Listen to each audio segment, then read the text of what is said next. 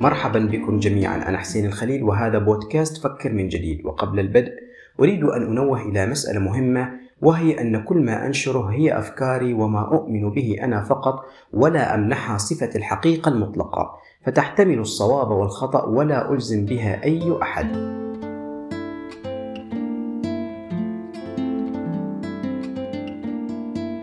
من يؤمن بكتب الموروث الديني فهو يؤمن تماما بأنها جزء من الدين ومكملة للقرآن وشارحة ومفصلة ومبينة له ويؤمن تماما بأنه لا يوجد أي تناقض ما بين تلك الكتب مع كتاب الله لنقرأ هذه الروايات ونعرضها على كتاب الله ونرى هل فعلا لا يوجد أي تناقض بينها وبين القرآن؟ هذا هو موضوع حلقة اليوم العقل المؤدلج يا أصدقائي الكرام لا يمكن له أن ينتج معرفة ويستنبط أحكاما من كتاب الله فعقله هو عبارة عن عقل متلقي للمعلومة معلبة وجاهزة وليس عقلا مستنبطا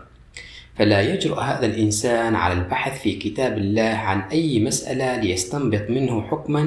بعيدا عن اتفاق الأمة وحذاق الأئمة ظنا منه هذا المسكين بأن هذا الفعل يغضب الله ويودي به في نار جهنم لأنه تجرأ على كتاب الله فجعلوا هذا الكتاب العظيم عبارة عن قنبلة موقوتة لا أحد يستطيع أو يجرؤ على البحث بداخله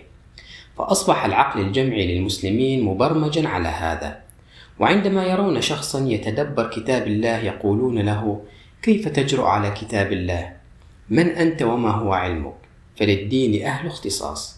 ثم يقولون وإذا أردت أن تتكلم في القرآن عليك امتلاك عشرة علوم حتى تستطيع أن تتكلم فيه فليس كل من هب ودب يفسر آياته طيب تماما ما هي هذه العلوم العشرة يا سيدنا الفاضل حتى ندرسها فقال علم اللغة والنحو علم الصرف علم الاشتقاق علم البلاغة والبيان والبديع علم القراءات علم أصول الدين علم معرفة أسباب النزول علم أصول الفقه علم الناسخ والمنسوخ وأخيرا علم الترقيع وفي رواية أخرى جعلوها خمسة عشر علما طيب تماما وين دليلك على هذه العلوم؟ ما وجدت ولا آية في القرآن تتحدث عن هذه العلوم العشرة أو التسعة لأن العاشر من عندي فيقول الدليل ليس من القرآن بل هذا ما قاله رجال الدين يا سلام عليك وهذا يذكرني ببعض الدول يلي دستورها ينص على أن مجلس النواب الذين لهم الصلاحية بخلع الحاكم من منصبه إذا تجاوز صلاحياته فإن الحاكم هو من يعينهم يعني هو يعين الناس يلي من المفروض يخلعوه من منصبه وطبعا له الصلاحية أنه يفصل أي نائب فرجال الدين هم من وضعوا هذه العلوم التي يسمونها علوم حتى تفهم وتتدبر كتاب الله يعني هذه العلوم لم تصدر لا من الله ولا من رسوله يعني جاءوا باشياء من خارج كتاب الله واسقطوها على كتاب الله وفرضوها على الناس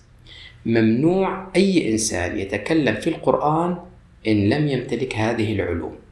ولما تتكلم مع شخص من هؤلاء أو سمعك أنك تنكر كتب الموروث الديني يقول لك طالما أنك متمسك بالقرآن اذكر لي إذا أركان الصلاة وواجباتها ومستحباتها وسننها ومكروهاتها ومبطلاتها ومسميات لا تنتهي ونفس الشيء بالوضوء وأشياء كثيرة أيضا تسأله هل الله سبحانه وتعالى هو الذي حدد هذه المصطلحات يقول لك لا تماما طالما أنها من تأليف فقهاؤنا الأفاضل ليعجس الناس بكل هذه المصطلحات فلست معنيا بها لأني أتبع كتاب الله فقط والله لم يذكرها لي لا من قريب ولا من بعيد من يتبع كتب الموروث الديني فهو المعني بها بل وحتى إن امتلك الشخص هذه العلوم فلا يسمحون له أن يفكر خارج الصندوق ويأتي بمفاهيم جديدة بل جميع ما سيأتي به يجب أن يكون على أساس الأفكار التي داخل الصندوق والتي وضعها لنا من ماتوا قبل ألف سنة والذين هم أعلم منا بما ينفعنا في زماننا هذا يعني بالمختصر المفيد يعمل إعادة تدوير لهذه الأفكار فقط لا غير وتيتي تيتي مثل ما رحتي مثل ما جيتي رجل الدين يا أصدقائي الكرام يمنح الحق لنفسه أنه يتكلم بالسياسة والاقتصاد والجغرافيا والرياضيات والهندسة والتكنولوجيا والفضاء والطبيعة والطب وكل العلوم التي تخطر على البال والتي لا تخطر على البال بينما إذا سمع شخصا يتحدث في القرآن فورا يبادر بالقول للدين أهل اختصاص فمن تكلم في غير فنه أتى بالعجائب على أساس واحدهم إذا تكلم بالطب فهو يفهم فيه أكثر من الطبيب وهذه الجملة للدين أهل اختصاص هي كذبة اخترعها فقهاؤنا الأفاضل حتى يبقوا ويحافظوا على صلاحياتهم وامتيازاتهم ومصدر رزقهم وسطوتهم من الضياع فغالبية المدافعين عن هذه الكتب وللأسف أكاد أجزم أنهم لم يفتحوها مجرد فتح عداك على أنهم لم يقرأوها هم يدافعون فقط على مبدأ هذا ما وجدنا عليه آباؤنا طيب هل هذه الكتب تناقض القرآن؟ يقول لك لا أبدا ولا يوجد بها أي تناقض طيب قرأتها وتأكدت بنفسك بعدم وجود تناقض ولا تنقل كلام شيوخك راح يأكد لك أنه قرأها ووعاها وتأكد بعدم تناقضها مع القرآن تسأله طيب هل القرآن منقص عليك بشيء مزعلك بشيء حتى تتبع معاه كتب البشر هنا عاد يبدأ بالاسطوانة المعتادة كيف تعلمنا الصلاة لولا هذه الكتب ولو اجينا للواقع فالكل تعلمها من اهله وفي المسجد وفي المدرسه يعني انت شفت ابوك كيف يصلي وصرت تقلد حركاته حتى تعلمتها واتقنتها انا ابني عمره ثلاث سنوات لما أجي أصلي يصلي بجنبي ويبدأ يقلد حركاتي وهذا الطفل بس يكبر يجون فقهاؤنا الأفاضل يقنعوه بأن كتب الموروث الديني هي من علمته الصلاة ترى المسألة تحتاج للقليل فقط القليل من التعقل يعني مو كيمياء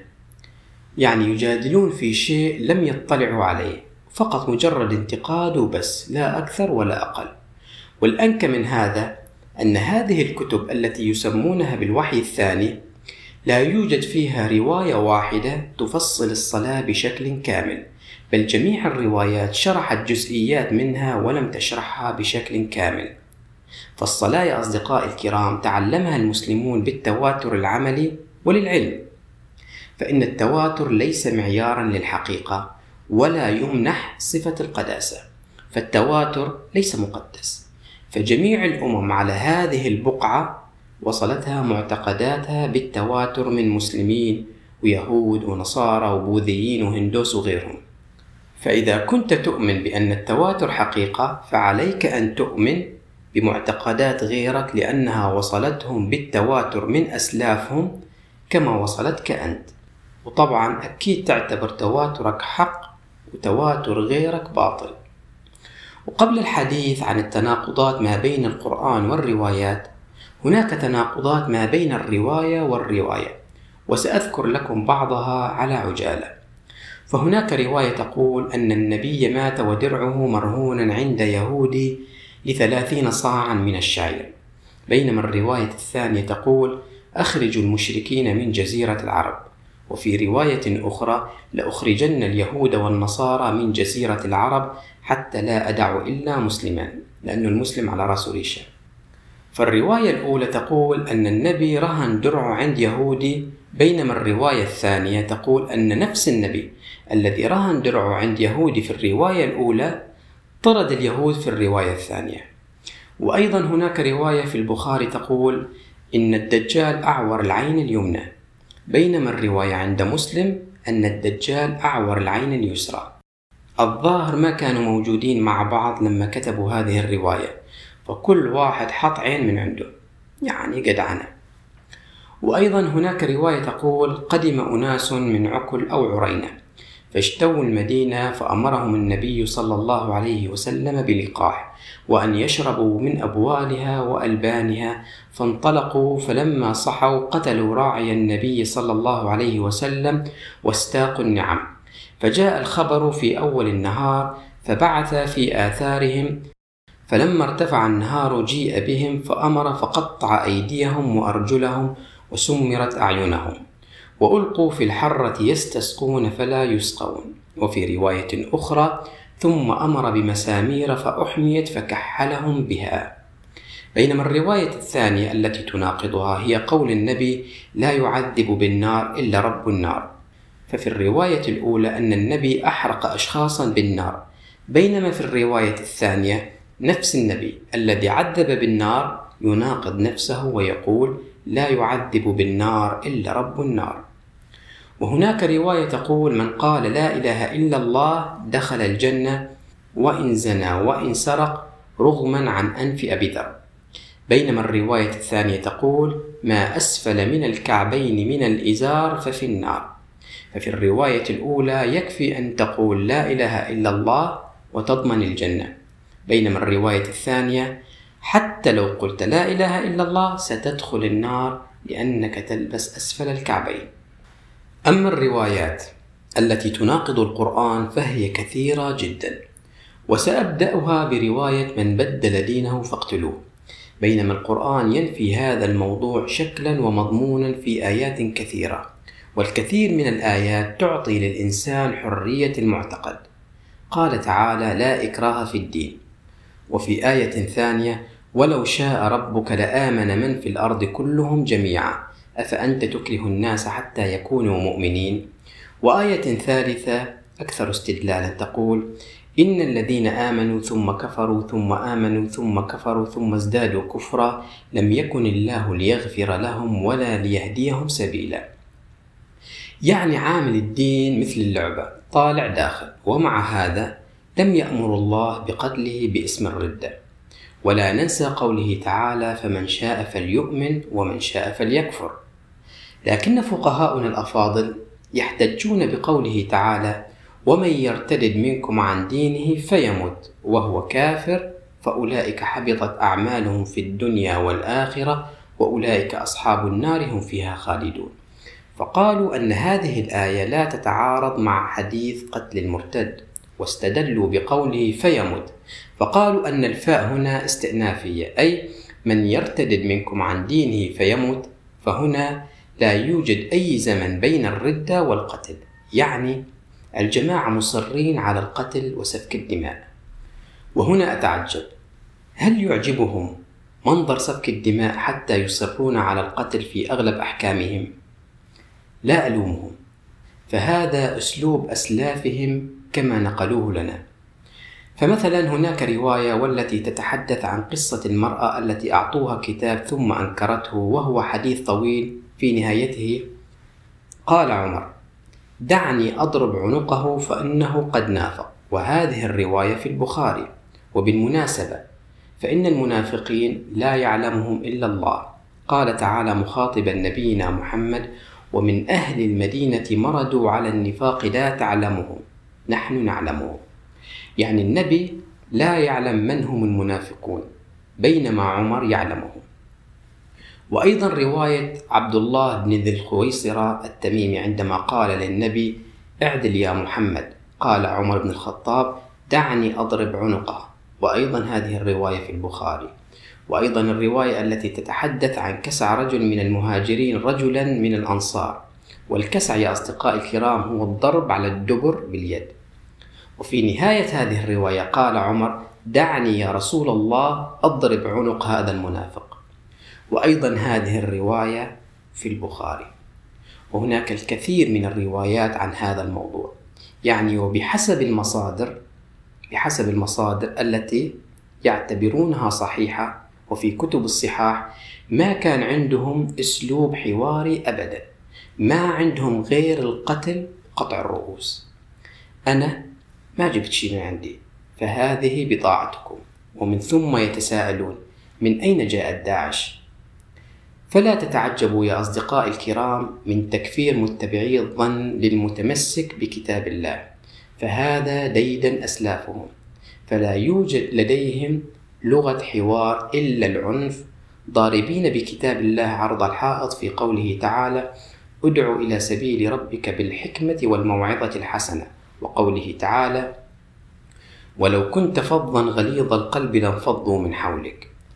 ولو كان الأمر لهم لهؤلاء الذين يعيشون بيننا لقتلوا كل من يخالفهم المنهج بل ويعتبرون هذا العمل يقربهم إلى الله فيكتفون بالتكفير لأن القتل ليس متاحا لهم فالحمد لله على نعمة القانون في البلدان والذي يمنع هؤلاء من تنفيذ أجنداتهم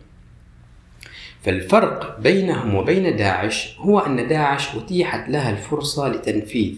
وتطبيق أفكارها على أرض الواقع بعد أن سيطرت على بعض المناطق على عكس هؤلاء أما بالنسبة للآية التي يحتجون بها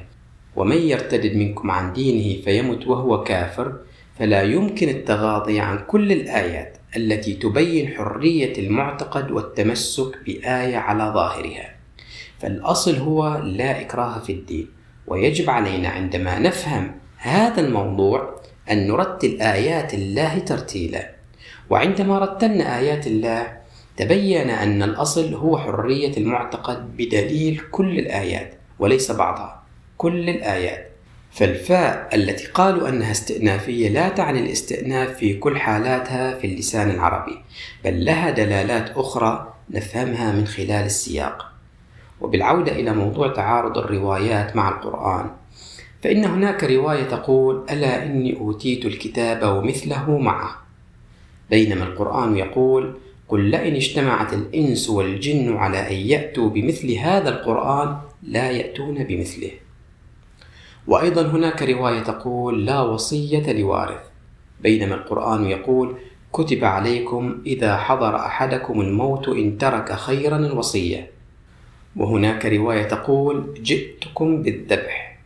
بينما القران يقول وما ارسلناك الا رحمه للعالمين وايضا هناك روايه تقول امرت ان اقاتل الناس حتى يقولوا لا اله الا الله واني رسول الله فإذا فعلوا ذلك عصموا مني دماءهم وأموالهم إلا بحق الإسلام وحسابهم على الله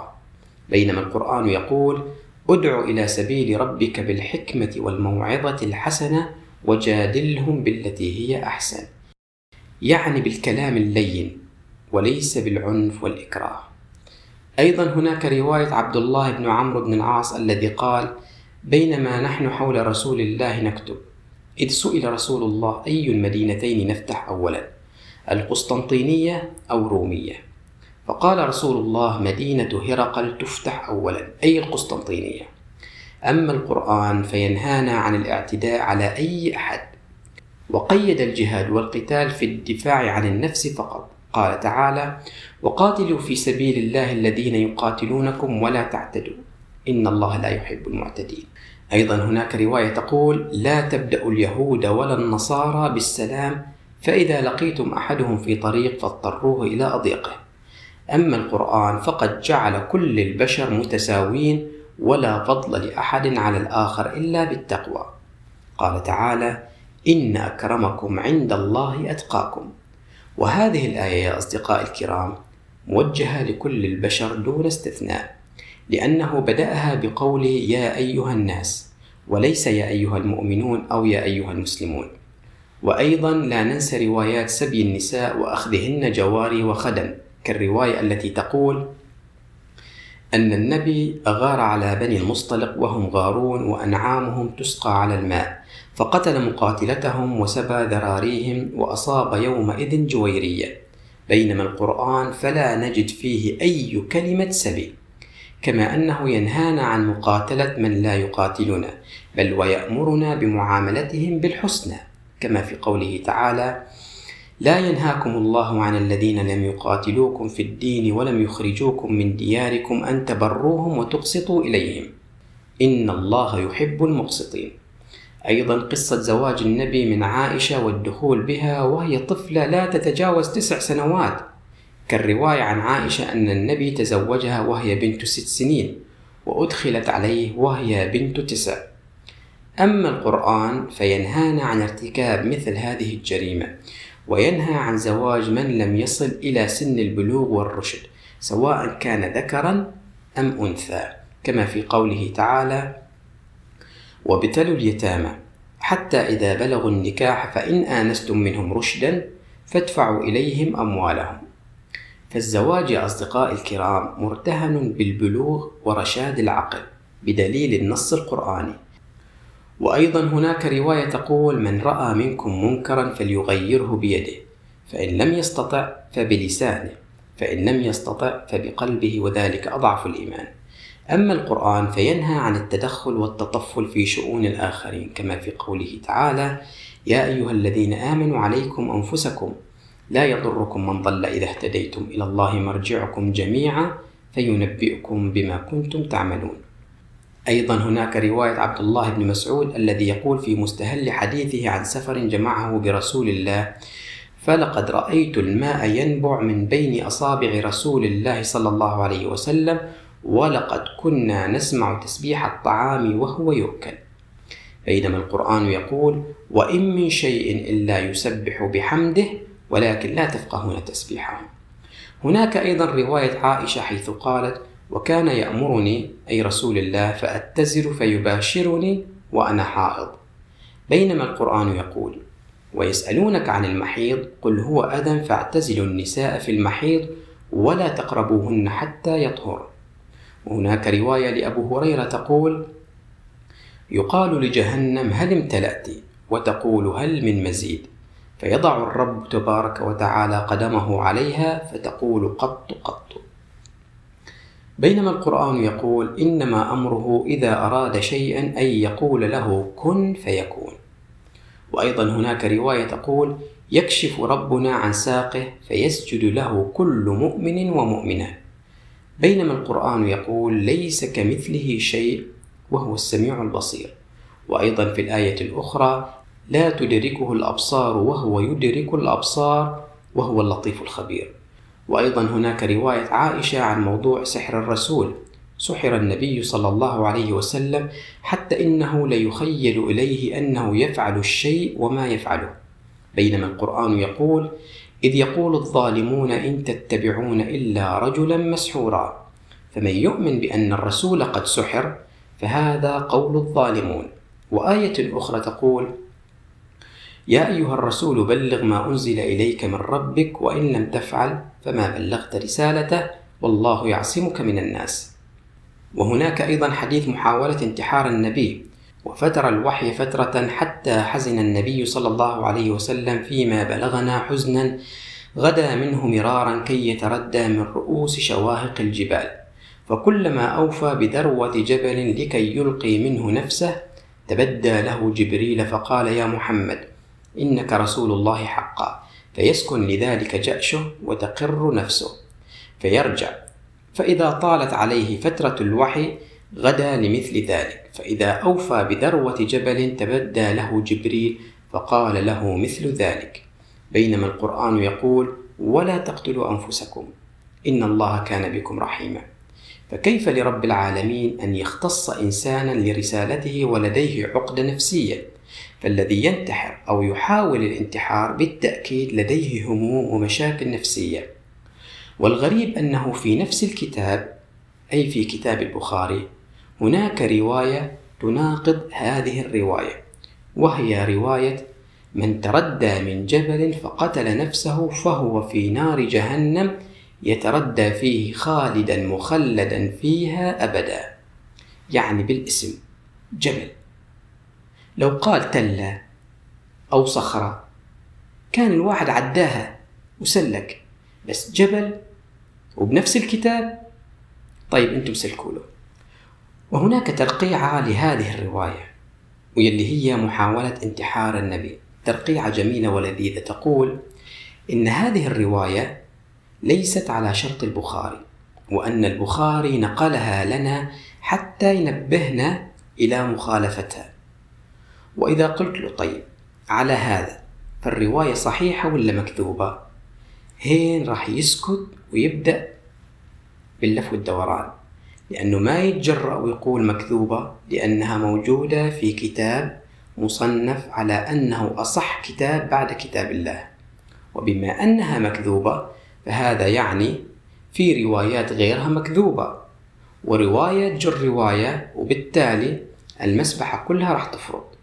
وما يقدر يقول صحيحة لأنه راح يناقض كلامه لذلك يلجأ للسكوت حتى يلاقي ترقيعة جديدة تناسب الموضوع شايفين هالترقيعة؟ يعني على هذا المبدأ إذا لقيت صخرة كبيرة في نص الطريق وتعرض السيارات لخطر الحوادث لازم ما أشيلها بل أكتب لوحة بأول الطريق أخي السائق انتبه أمامك حجرة كبيرة مشان أنبههم عليها يعني رواية محاولة انتحار النبي يا صحيحة يا مكذوبة فإذا كانت صحيحة فلا حول ولا قوة إلا بالله لأنها تضرب في جوهر الرسالة وإذا كانت مكذوبة ليه البخاري يدونها بكتابه من الأصل ويقولون أنها من بلاغات الزهري شايفين الترقيع هذا فن وله أصوله وما حدا يقدر يتقنه إلا أهل المختصين به والغريب الغريب يا أصدقائي الكرام أنه في ناس ينطلي عليها مثل هذا الكلام وصدقوه وأيضا من جملة التناقضات الموجودة في كتب الموروث الرواية التي تقول أن رسول الله توفي ودرعه مرهونا ليهودي بثلاثين صاعا من الشعير بينما القرآن يخبرنا بأن رسول الله ليس فقيرا بل لديه اكتفاء ماليا كما في قوله تعالى ووجدك عائلا فأغنى والعائل هو من يعول غيره وينفق عليه وهناك أيضا رواية تحرم الذهب والحرير للذكور وتنهى عن الأكل والشرب من إناء من ذهب بينما القرآن يقول قل من حرم زينة الله التي أخرج لعباده والطيبات من الرزق فالتحريم بيد الله فقط ولا صلاحية لنبي أو غيره أن يحرم أي شيء من خارج كتاب الله. يقول الله سبحانه وتعالى عن نبينا محمد: "يا أيها النبي لم تحرم ما أحل الله لك؟" فالنبي ليست لديه صلاحية أن يحرم شيئا على نفسه، فكيف يحرم على أمته؟ وأيضا هناك رواية ابن عباس أنه قال: نمت عند ميمونة والنبي صلى الله عليه وسلم عندها تلك الليلة، فتوضأ ثم قام يصلي فقمت على يساره فأخذني فجعلني على يمينه فصلى ثلاثة عشر ركعة ثم نام حتى نفخ وكان إذا نام نفخ ثم أتاه المؤذن فخرج فصلى ولم يتوضأ بينما القرآن يقول يا أيها الذين آمنوا إذا قمتم إلى الصلاة فاغسلوا وجوهكم وأيديكم إلى المرافق وامسحوا برؤوسكم وأرجلكم إلى الكعبين فكيف لرسول الله أن يستيقظ من نومه ثم يصلي دون أن يتوضأ وهناك أيضا رواية الرجم التي تقول أن قرد زنت فقام باقي القردة برجمها وادعوا أن هناك آية نسي الصحابة إضافتها للقرآن لأن الداجن أكلتها كما في رواية عمر أنه قال إن الله بعث محمدا بالحق وأنزل عليه الكتاب فكان مما أنزل الله آية الرجم ويقصد بآية الرجم وهي الشيخ والشيخة إذا زنيا فارجموهما البتة فقرأناها وعقلناها ووعيناها ورجم رسول الله ورجمنا بعده فأخشى إن طال بالناس زمان أن يقول قائل والله ما نجد آية الرجم في كتاب الله فيضل بترك فريضة أنزلها الله بينما القرآن يقول الزانية والزاني فاجلدوا كل واحد منهما مئة جلدة ولم يفرق الله بين محصن وغير محصن بل قالها بالمطلق وبالمناسبة فإن هذه الآية المزعومة الشيخ والشيخة إذا زنيا فارجموهما البتة لها أكثر من عشرين صيغة وليست صيغة واحدة وأيضا هناك رواية تقول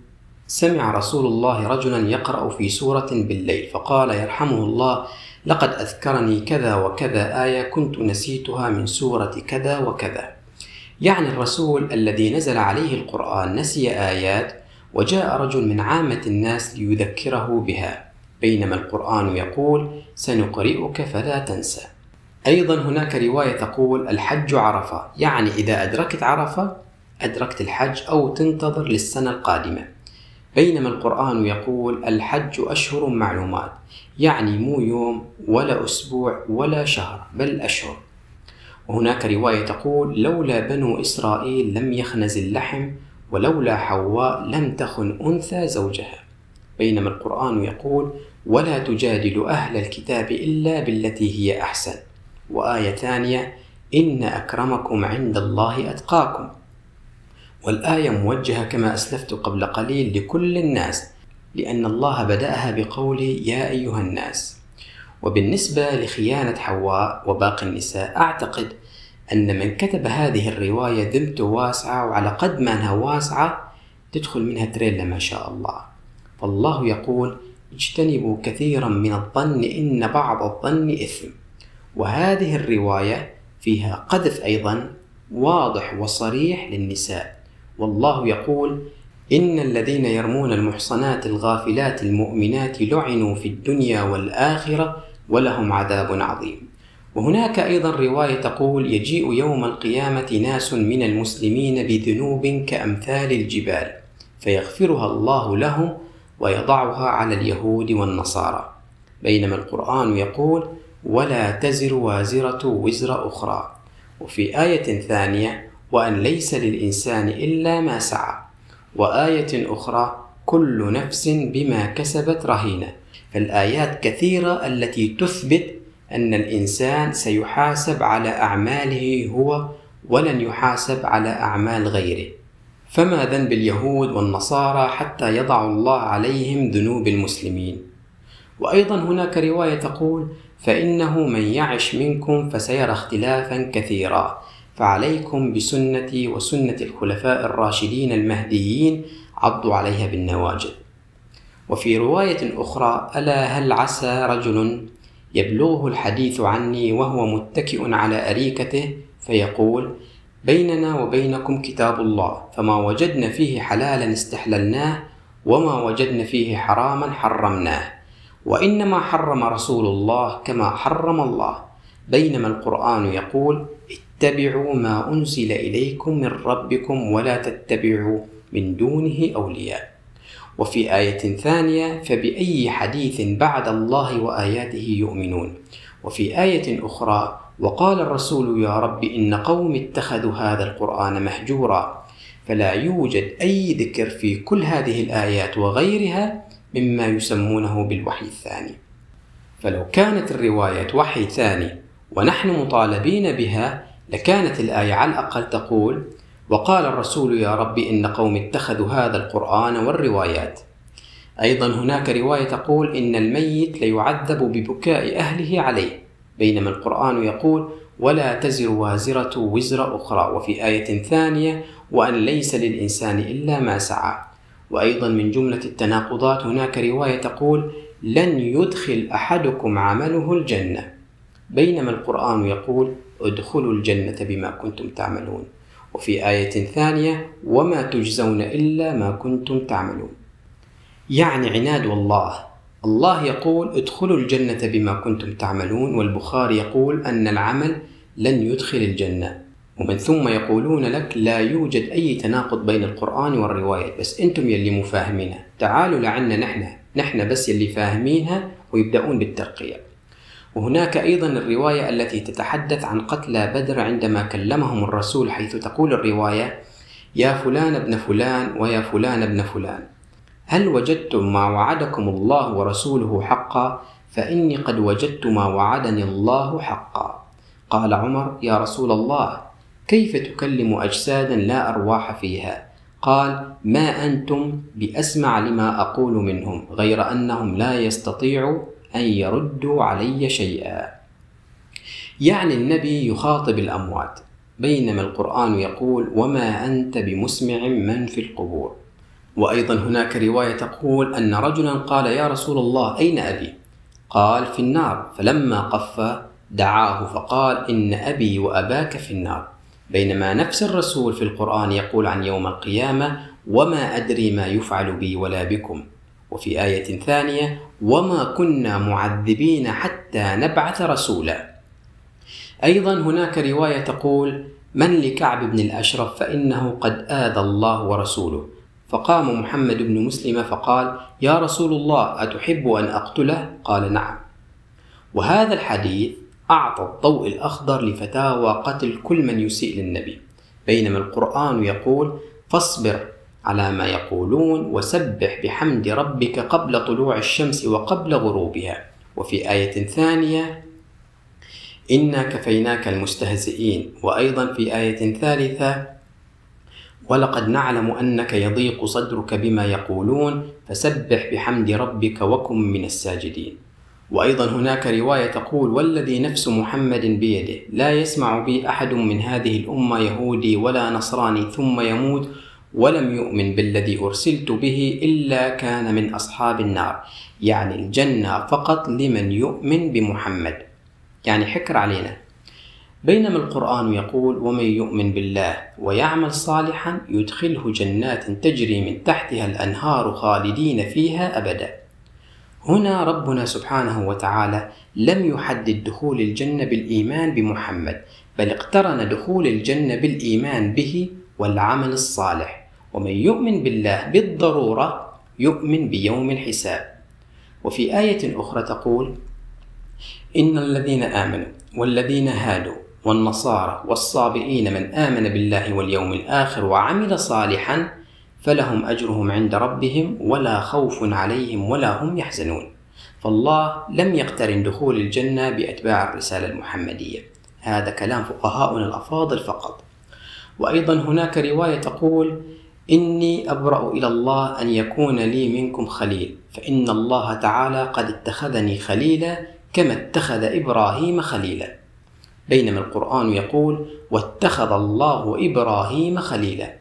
لم يذكر الله محمد بل ذكر إبراهيم فقط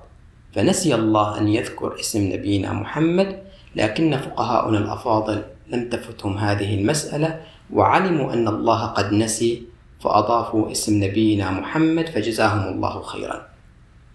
وأيضا هناك الرواية الأشهر وهي قصة عروج النبي بالبراق وصعوده إلى السماء بينما القرآن ينفي هذا الشيء كما في قوله تعالى عندما طلب الكفار من النبي أن يصعد إلى السماء أو ترقى في السماء ولن نؤمن لرقيك حتى تنزل علينا كتابا نقرأه قل سبحان ربي هل كنت إلا بشرا رسولا ايضا هناك روايه تقول اخذ رسول الله بيدي فقال خلق الله عز وجل التربه يوم السبت وخلق فيها الجبال يوم الاحد وخلق الشجر يوم الاثنين وخلق المكروه يوم الثلاثاء وخلق النور يوم الاربعاء وبث فيها الدواب يوم الخميس وخلق ادم عليه السلام بعد العصر من يوم الجمعه في اخر الخلق في آخر ساعة من ساعات الجمعة فيما بين العصر إلى الليل يعني المجموع سبعة أيام على عدد أيام الأسبوع بينما القرآن يقول الله الذي خلق السماوات والأرض وما بينهما في ستة أيام وأيضا هناك رواية تقول والذي نفسي بيده لو لم تذنبوا لذهب الله بكم ولجاء بقوم يذنبون فيستغفرون الله فيغفر لهم وهنا الحديث على أن الذنب مسألة عادية ولازم تذنبون وهذا الحديث جعل المسلمين يستسهلون ارتكاب المعاصي بينما القرآن يقول أولم يسيروا في الأرض فينظروا كيف كان عاقبة الذين كانوا من قبلهم كانوا هم أشد منهم قوة وآثارا في الأرض فأخذهم الله بذنوبهم وما كان لهم من الله من واق فأخذهم الله بماذا؟ بذنوبهم وأيضا هناك رواية تقول أن رجلا قال للنبي أجعل لك صلاتي كلها قال إذا تكفى همك ويغفر ذنبك بينما القرآن يقول قل إن صلاتي ونسكي ومحياي ومماتي لله رب العالمين وفي الآية الثانية وأقم الصلاة لذكري يعني ذكر الله فقط وأيضا لا ننسى رواية العشر المبشرين بالجنة ويا سبحان الله كلهم رجال وكلهم من المهاجرين وكلهم قرشيين سبحان الله على الصدفة ترى تصيرها بينما القرآن يقول عن النبي عن يوم القيامة قل ما كنت بدعا من الرسل وما أدري ما يفعل بي ولا بكم إن أتبع إلا ما يوحى إلي وما أنا إلا نذير مبين وأيضا هناك رواية تقول من كان آخر كلامه لا إله إلا الله دخل الجنة وهذه الرواية أيضا جعلت الكثير من الناس تتكل عليها وتستسهل ارتكاب المعاصي وعلى مبدأ بس أموت أقول لا إله إلا الله وأضمن الجنة بينما القرآن يقول وليست التوبة للذين يعملون السيئات حتى إذا حضر أحدهم الموت قال إني تبت الآن فالتوبة لا تقبل عند الموت وإذا فعلا تقبل لقبلها الله من فرعون الذي قال عندما أدركه الغرق آمنت أنه لا إله إلا الذي آمنت به بنو إسرائيل وأنا من المسلمين يعني الزلمة نطق الشهادة ولكنها لم تقبل وأيضا هناك رواية تقول من أراد بحبوحة الجنة فعليه بالجماعة فإن الشيطان مع الفد بينما الأكثرية مذمومة بالقرآن قال تعالى وإن تطع أكثر من في الأرض يضلوك عن سبيل الله والأقلية محمودة في القرآن قال تعالى وما آمن معه إلا قليل وفي آية ثانية وقليل من عبادي الشكور وأيضا هناك رواية تقول لا يزال الناس بخير ما عجلوا الفطر وبالتأكيد وقت الإفطار عند آذان المغرب كما ورثناه من فقهاؤنا الأفاضل بينما القرآن يقول ثم أتم الصيام إلى الليل وليس إلى آذان المغرب وأيضا لا ننسى الرواية التي قالت أن موسى فقأ عين ملك الموت عندما جاء ليقبض روحه رافضا أن يموت حيث تقول الرواية جاء ملك الموت إلى موسى ليقبض روحه فقال له أجب ربك فلطم موسى عين ملك الموت ففقأ عينه أحد التفسيرات المضحكة لهذه الرواية تقول أن ملك الموت كان يأتي بهيئة إنسان لكن بعد هذه الحادثة صار يأتي متخفي مشان ما حد يضربه ويتأذى يا رب صبرك بينما القرآن يقول حتى إذا جاء أحدكم الموت توفته رسلنا وهم لا يفرطون وأيضا هناك رواية منسوبة لله بما يعرف بالحديث القدسي تقول يا ابن آدم إنك لو أتيتني بقراب الأرض خطايا ثم لقيتني لا تشرك بي شيئا لأتيتك بقرابها مغفرة وأيضا هذه الرواية من جملة الروايات التي فيها تفريط وحث بارتكاب المعاصي طالما أن الله يغفرها جميعا ويبدلها بالمغفرة بينما القرآن يقول أم حسب الذين اجترحوا السيئات أن نجعلهم كالذين آمنوا وعملوا الصالحات سواء محياهم ومماتهم ساء ما يحكمون وأيضا هناك رواية تقول عن الحج من حج هذا البيت فلم يرفث ولم يفسق رجع كما ولدته امه يعني عمل إعادة ضبط المصنع ويا دار ما دخلك شر ويبدأ بالمعاصي من جديد وبس يجي وقت الحج السنة القادمة يروح يعمل ضبط المصنع من جديد مسكين الفقير الذي لا يمتلك تكاليف الحج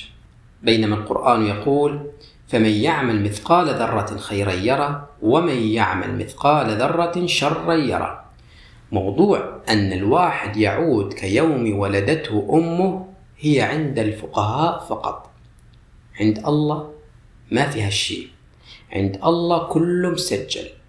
كله مسجل إنا كنا نستنسخ ما كنتم تعملون ويلي يتوب أكيد الله يتوب عليه لكن حقوق الناس لا يمحوها الله لأنها من حق الناس هم فقط من يسامحون فإذا أراد أن يتوب الإنسان فعليه أن يستبرئ حقوق الناس مو والله مو مخلي حدا من شرك بعدين تجي بدك تتوب وأيضا هناك رواية تصب في نفس المعنى وهي قصة الرجل الذي قتل 99 نفسا ثم أكملها بالمئة حيث تقول الرواية كان في بني إسرائيل رجل قتل 99 إنسانا ثم خرج يسأل فأتى راهما فسأله فقال له هل من توبة؟ فقال لا فقتله فجعل يسأل فقال له رجل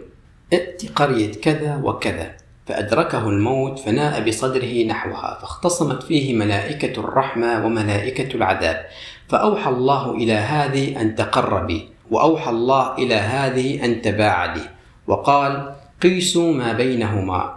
فوجد إلى هذه أقرب بشبر فغفر له هذا الرجل معاند يعني مو ندمان فعندما سأل الراهب عن التوبة وقال له لا توبة لك قتله وأكمل به المئة على مبدأ خربان وخربان يعني قتلت 99 وقفت عليك ولو أن الرجل الثاني الذي قال له نعم لك توبة لو كان جوابه لا توبة لك لقتله أيضا والقائمة تطول ثم بأي حق تكون له توبة طيب وهالناس اللي قتلها شو وضعها يقول لك نصيبهم الله قدر عليهم أن يموتوا وهذا الكلام باطل لأنك أنت يلي قدرت عليهم أن يموتوا وليس الله فمفهومنا للقضاء والقدر يختلف 180 درجة عن المفهوم الذي أراده الله بعدين شايفين السذاجة بالطرح قال هو أقرب للبلد الذي أراد التوبة فيها بقدر شبر يعني بما أنه ما في عندهم متر في ذلك الزمان يقيسون بالشبر والملائكة تتخاصم عليه وكأن بينهم عداوة وبغضاء من بعض بعدين ليه حتى يذهب إلى مدينة معينة يعني الله ما يقبل التوبة من مكانه يلي هو فيه ولازم يسافر بينما القرآن يقول من قتل نفسا بغير نفس أو فساد في الأرض فكأنما قتل الناس جميعا يا من تفتون بتوبة القتلى والمجرمين أيضا هناك رواية تقول بعثت بين يدي الساعة بالسيف حتى يعبد الله تعالى وحده لا شريك له وجعل رزقي تحت ظل رمحي وجعل الذل والصغار على من خالف امري بينما القران يقول ادع الى سبيل ربك بالحكمه والموعظه الحسنه بالحكمه والموعظه الحسنه وليس بالسيف والاذلال بل ان الله لم يذكر كلمه سيف في القران ابدا وأيضا هناك رواية طواف النبي على نسائه بغسل واحد تقول كان النبي يدور على نسائه في الساعة الواحدة من الليل والنهار وهن إحدى عشرة قال قلت لأنس أو كان يطيقه قال كنا نتحدث أنه أعطي قوة ثلاثين وقال سعيد عن قتادة إن أنسا حدثهم تسع نسوة بينما القرآن يخبرنا أن النبي كان يقوم الليل ولا يقوم على نسائه قال تعالى يا أيها المزمل قم الليل إلا قليلا نصفه أو انقص منه قليلا أو زد عليه ورتل القرآن ترتيلا وطبعا ما راح أتكلم أن ساعة واحدة ما تكفي لهذا العدد من النساء ثم إن الرواية تخبرنا أنه يقوم بهذا العمل في الليل والنهار طيب هذا إمتى يقوم على شؤون الرعية باعتباره رئيس دولة إذا كل وقته جنس مع نسائه بحسب الرواية هناك أيضا رواية عن سؤال الملكين وعذاب القبر تقول استغفروا لأخيكم واسألوا الله له التثبيت فإنه الآن يسأل وفي رواية ثانية فيما يخص عذاب القبر تقول مر رسول الله على قبرين فقال أما إنهما ليعذبان وما يعذبان في كبير أما أحدهما فكان يمشي بالنميمة وأما الآخر فكان لا يستتر من بوله وبعد قراءة القرآن تبين أن موضوع سؤال الملكين والأقرع وعذاب القبر خرافة ما أنزل الله بها من سلطان فالحساب يوم القيامة قال تعالى قالوا يا ويلنا من بعثنا من مرقدنا هذا ما وعد الرحمن وصدق المرسلون يعني صحوا من سباتهم ولا يعلمون ما حصل لهم فالمفروض ما يتفاجؤون لو كان فعلا هناك عذاب أو نعيم في القبر وأخيرا هناك رواية العرباض بن سارية عن موعظة النبي حيث قال عليكم بالسمع والطاعة وإن تأمر عليكم عبد حبشي كأن رأسه زبيبة العنصرية والتنمر من أصحاب البشرة الداكنة واضحة في هذه الرواية بينما القرآن يقول يا أيها الذين آمنوا لا يسخر قوم من قوم عسى أن يكونوا خيرا منهم ولا نساء من نساء عسى أن يكن خيرا منهن ولا تلمزوا أنفسكم ولا تنابزوا بالألقاب بئس الاسم الفسوق بعد الإيمان ومن لم يتب فأولئك هم الظالمون وأيضا السمع والطاعة للظالم هو أمر ينتقده الله قال تعالى ولا تركنوا إلى الذين ظلموا فتمسكم النار بالله عليكم هل هذا الكلام كأن رأسه زبيبة يصدر من شخص قال عنه الله سبحانه وتعالى وإنك لعلى خلق عظيم؟ هناك الكثير من الروايات التي تناقض كتاب الله وتخالف العقل والمنطق، لكني أكتفي بهذا القدر حتى لا أطيل أكثر. وكما سمعتم معي يا أصدقائي الكرام، هذه روايات تناقض كتاب الله شكلا ومضمونا. وأغلبها موجود بالبخاري الذي يطلقون عليه اسم أصح كتاب بعد كتاب الله ومن ثم وبكل جرأة يخرج علينا فقهاؤنا الأفاضل ليقولوا لنا لا يوجد تناقض ما بين الروايات والقرآن ويتهموننا بأننا لم نفهم هذه الروايات جيدا ومن ثم يبدأون بترقيعها بطريقة لا يقبلها حتى الأطفال وحتى أتباعهم عندما يريدون التأكد هل فعلا هناك تناقض بين القرآن والروايات فإنهم يلجؤون لرجال الدين الذين وضعوا هذه الروايات فماذا تنتظرون أن يردوا عليكم؟ هل سيقولون أنها تناقض القرآن؟ بالتأكيد لا فهذا مثل يلي يأمن الثعلب على دجاجه يعني رايح لعند رجل دين تسأله هل هذه الرواية تناقض هذه الآية إذا أسلاف هم يلي حطوها وافتروا على رسول الله ابحث بنفسك ابحث بنفسك بالقرآن